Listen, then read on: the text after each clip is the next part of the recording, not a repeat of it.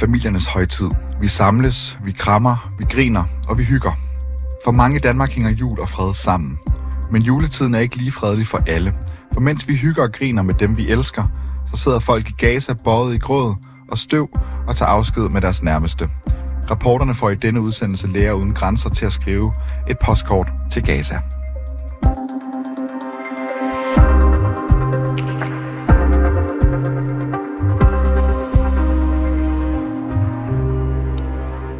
Mie Terkelsen, du er sygeplejerske og talsperson for Læger Uden Grænser. Vi skal i dag kaste et tilbageblik på året, der gik, og hvordan det er gået for læger og sundhedspersonale i Gaza.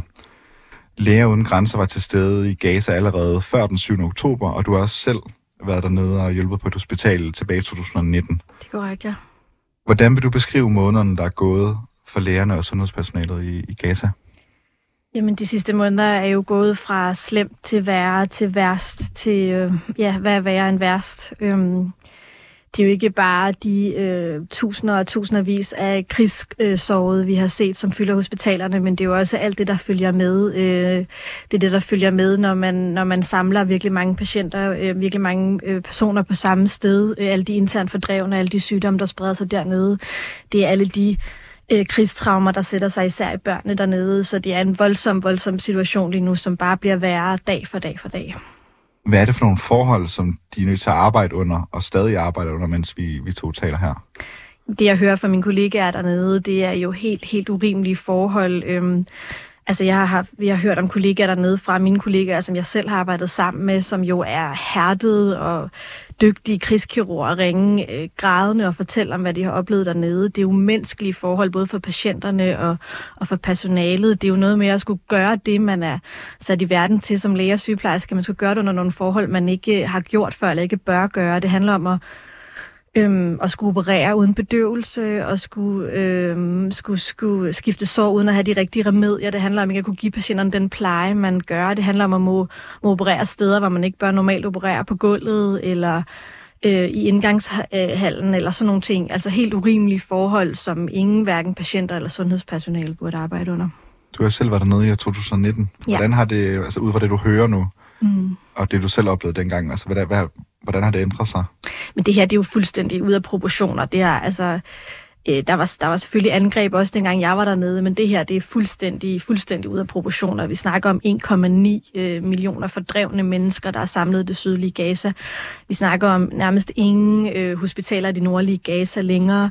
Øh, hospitalerne er blevet angrebet. Øh, øh, hver dag kom mine kollegaer på arbejde med frygten for at miste deres eget liv også. Der er så mange hospitaler, der er blevet angrebet. Øh, Øh, og så samtidig, ja, som sagt, vi skulle arbejde under nogle forhold, som ingen bør arbejde under. Og det er jo ikke bare fordi, det er jo ikke kun det her med at arbejde medicinske remedier, men det er jo også adgang til rent drikkevand, det er også adgang til strøm, så man kan operere, øh, øh så, så bare maskiner og, og, sådan kan virke dernede. Så det er, øhm, det er virkelig, virkelig voldsomt, og på ingen, altså millioner gange værre end det, jeg selv så, da jeg var dernede. Kan du nævne en konkret beretning dernede fra, der har gjort særligt indtryk på dig? Jamen, jeg tror især, det er historien omkring børn, der påvirker mig rigtig meget. Det er jo nok også det, der påvirker folk generelt, men, men især de historier, jeg hører om børn, der er blevet for eksempel opereret uden bedøvelse, men især også de her, jeg hørte om en 13-årig pige, der øhm, øhm, en af vores kirurger fortalte, at de havde måtte skifte, øh, skulle skifte brændsår på hende, og hun var, havde altså forbrændinger på mere end 60 procent af kroppen, ikke nok med, at det bare i sig selv er livsfarligt og voldsomt, voldsomt smertefuldt, så også at skulle skifte de her forbindinger på hende uden smertestillende. Altså, jeg har selv øh, arbejdet med børn mange steder, også herhjemme, og ved, hvor, hvor, hvor stort et overgreb der er på børn, når de ikke er blevet smertestillet ordentligt. Så de her tanker om alle de her børn, der har oplevet de her forfærdeligheder og lever hver dag i frygten for at miste deres liv og miste deres familie, men så også, hvis de kommer noget til, så også skal opleve så voldsomt som det vil, vil det vil være for et barn at blive opereret uden bedøvelse eller få skiftet brændsår uden smertestillende. Vi gav dig en lille opgave hjemmefra i forhold til mm. at skrive, øh, komme med et bud på, hvis nu du skulle skrive et postkort til dine kollegaer nede i, mm. nede i Gaza. Jeg kan så se, at du har taget det relativt bogstaveligt og, og har, et, har et postkort med, der ligger på bordet. Ja. Øh, jeg ved ikke, om du kunne tænke dig at læse det op? Det vil jeg gerne. Øh, jeg har skrevet det lidt som om, at det var mig og mine kollegaer dernede fra, der skrev det. Ja. Så øhm, kære verden, Hvordan beskriver man med få ord de forfærdeligheder, vi har oplevet og stået igennem de sidste par måneder? Vi har kæmpet for vores patienter med alt, hvad vi har i os, men vi kan ikke gøre det alene. Vi har brug for, at verden træder til. Vi har brug for en varig våbenhvile, for der er ikke mere plads på hospitalerne til de syge og de sårede. Vi har brug for, at blokaden ophæves, så vores patienter kan få den behandling, de har krav på, som alle mennesker har krav på. Nok er nok. Og for at citere Dr. Mahmoud, vores kollega, der blev dræbt i et angreb på hospitalet. Vi gjorde, hvad vi kunne. Husk os. Rigtig fint. Du nævner her til sidst en, en kollega, mm. som har måttet lade livet dernede. Ja. Mm. Øhm, det er en, du har arbejdet sammen med selv, da du var dernede i 2019. Ja, jeg har ikke selv arbejdet sammen med, men han har startet lige efter, jeg startede øh, okay. stoppet dernede. Men jeg har hørt om ham, og vi er, jeg har sådan en gruppe med alle mine kolleger dernede fra, hvor vi, der er jævnligt er blevet skrevet frem og tilbage. Men det er på mm. men det samme hospital, som mm. du har arbejdet på det, ja. dengang du var dernede. Ja. Øhm, der skriver han, som du selv nævner, men lad mm. læse op igen. Whoever stays until the end will tell the story. We did what we could. Remember us. Altså, hvem der bliver til det sidste, til at fortælle historien. Mm. Vi gjorde, hvad vi kunne. Husk os. Mm. En måned efter 29. november, der blev han så dræbt af et bombeangreb på hospitalet sammen med to andre kolleger. Ja. Hvad er det, der ligger i det budskab, som han forsøgte at levere, som du også nu leverer videre? Mm. Jeg tror, det er sådan en, en form for desperation. Altså, jeg forestiller mig selv, hvordan det må være at stå der, og at vi som sundhedsfaglige jo, jo har givet vores lægeløfte, vores løfte på at gøre vores arbejde så godt som muligt, og så stå og arbejde under sådan nogle forhold, som er fuldstændig urimelige og umenneskelige, og kunne se, at tingene ikke bliver bedre, bare se, at det bliver værre og værre hver for dag. Så jeg tænker, at det er skrevet i sådan en frygt for at miste livet, men også sådan en accept af, at nu vi gør, hvad vi kan, hvor vi er. Ikke? Hvordan har du reageret på, på tabet af nogle af de her kollegaer? Jeg kan fornemme, at der er et større fællesskab omkring mm. om det her.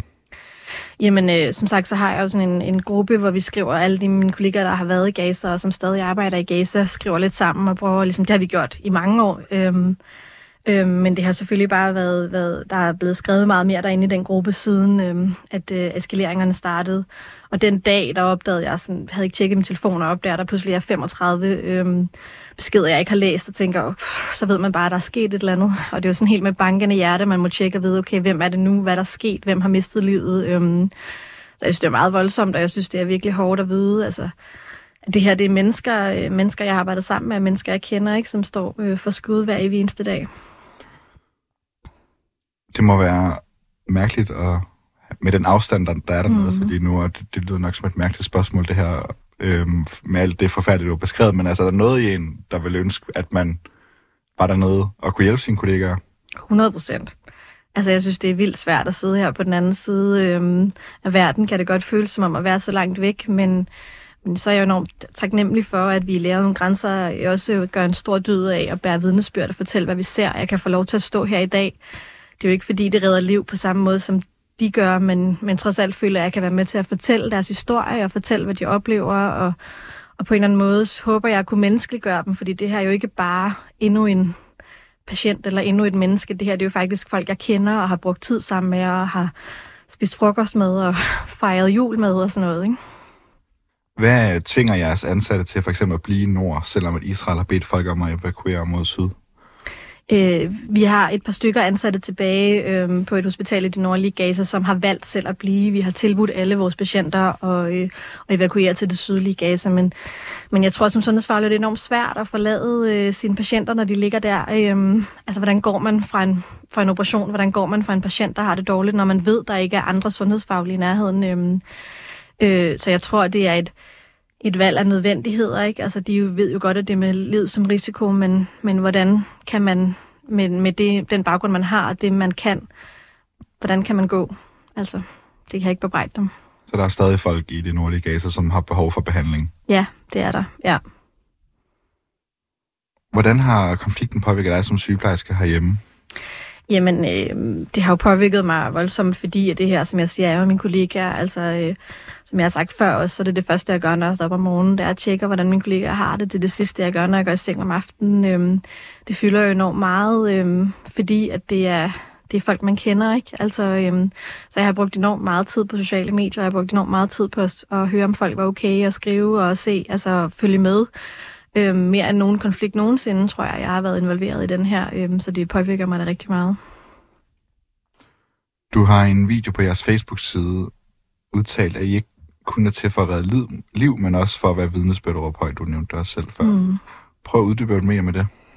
Jamen, øh, som jeg sagde før, så er det jo en del af det arbejde, man ligesom skriver under på, når man bliver ansat i Læger Uden Grænser. Det er jo ikke bare, at man skal, man skal arbejde der, hvor man nu kommer hen, øh, men man også skal fortælle om, hvad man har oplevet og set, og hvad situationen er de steder, man er i verden. Og det har jeg gjort fra alle mine udsendelser.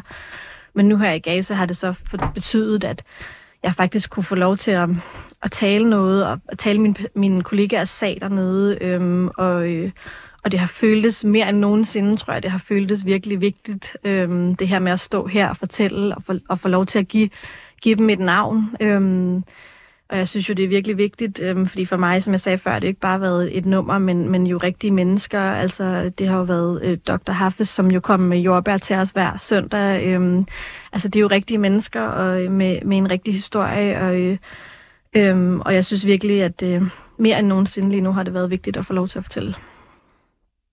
Det er jo en grænse, er jo, er mange steder rundt omkring i verden i, mm. i virkelig grælde konflikter. At, at der noget, gør den her konflikt særlig i forhold til, det er jo en grænsesituation.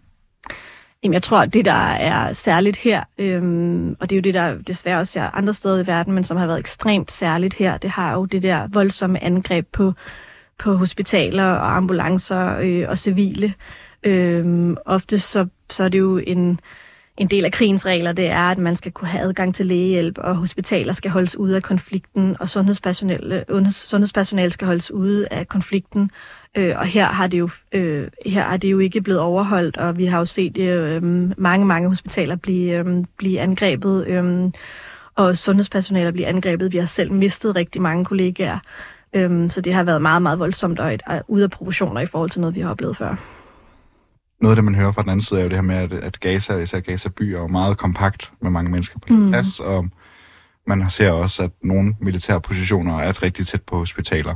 Også øh, eksempler på i hvert fald en form for aktivitet militært inde på nogle af hospitalerne. Kan du forstå, at, at det kan være svært at komme udenom, eller at det virker tæt på umuligt at komme udenom, at sundhedspersonale også vil blive ramt i den her konflikt, når den er så tæt pakket? Jeg, ved ikke, jeg tror bare, at lige meget hvordan, så tænker jeg, at, det må, at der må være en mulighed for, at nogen skal holdes hellige. Altså at man ligesom skal sige, at, at det aldrig må være et angreb. Altså øh, jeg er med på, at, øh, at Gaza er virkelig, virkelig tæt øh, pakket, og det gør jo også, at der ikke er nogen steder at, at, at søge sikkerhed, og det gør jo også situationen endnu mere voldsom. Øh, men jeg synes, tror stadigvæk aldrig, jeg synes, at folk, der forsøger at redde liv, skal være bange for deres eget. Altså. Mia Terkelsen, talsperson og sygeplejerske hos Læger Uden Grænser. Tak fordi du gad med. Velbekomme.